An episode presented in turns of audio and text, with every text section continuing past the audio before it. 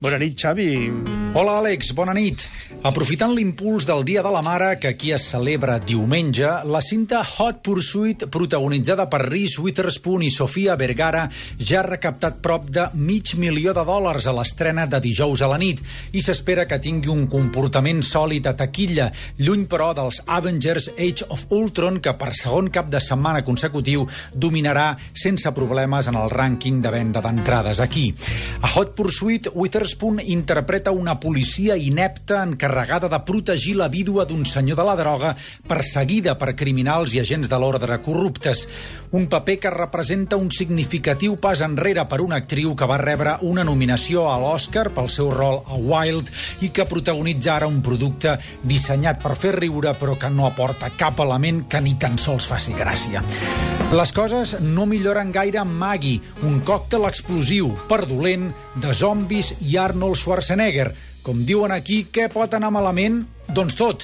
Aquest thriller de baix pressupost en què l'actor austríac encarna un humil granger americà que salva dels zombis a la seva filla, encarnada per Abigail Breslin, no se'n surt ni per l'aproximació calmada del director, Henry Hobson. És un dissenyador gràfic que en lloc dels xocs habituals a les cintes de terror proposa escenes sense presses on la gent lluita per entendre el seu dolor i l'aliè. El cap de setmana es completa amb la més que prescindible Five Flights Up, un homenatge a l'innegable magnetisme que mostren en pantalla la parella Diane Keaton-Morgan Freeman. Tots dos interpreten un matrimoni amb 40 anys de convivència a l'esquena, atrets per l'astronòmica oferta que els arriba pel pis de Brooklyn on han viscut des que estan junts la possibilitat d'esdevenir milionaris a costa de marxar del lloc on han crescut com a parella aporta a la cinta expressions de l'angoixa actual per l'economia. Un milió de dòlars no et treu de pobre Nova York aquests dies, així com el compromís per una relació duradora i la necessitat de fer escrutini sobre què és important a la vida. I el Planeta Televisió, mentrestant, el servei per streaming Netflix segueix fent les coses bé.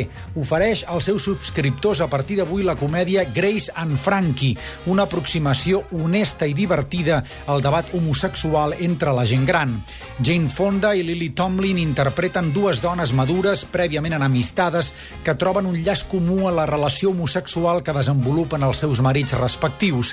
Les dones afronten primer amb ràbia i després amb un sentiment d'aïllament social, una situació nova que configura novament les seves vides i que trasllada el debat de la homosexualitat aquí a un nou nivell, ara que el Tribunal Suprem avalua si sanciona la legalitat arreu del país de les unions entre les persones del mateix sexe. Això és tot per aquesta setmana, Àlex. Bona nit. I perdona lo de friqui, però és que ets meravellós. Gràcies, Xavi Vilà.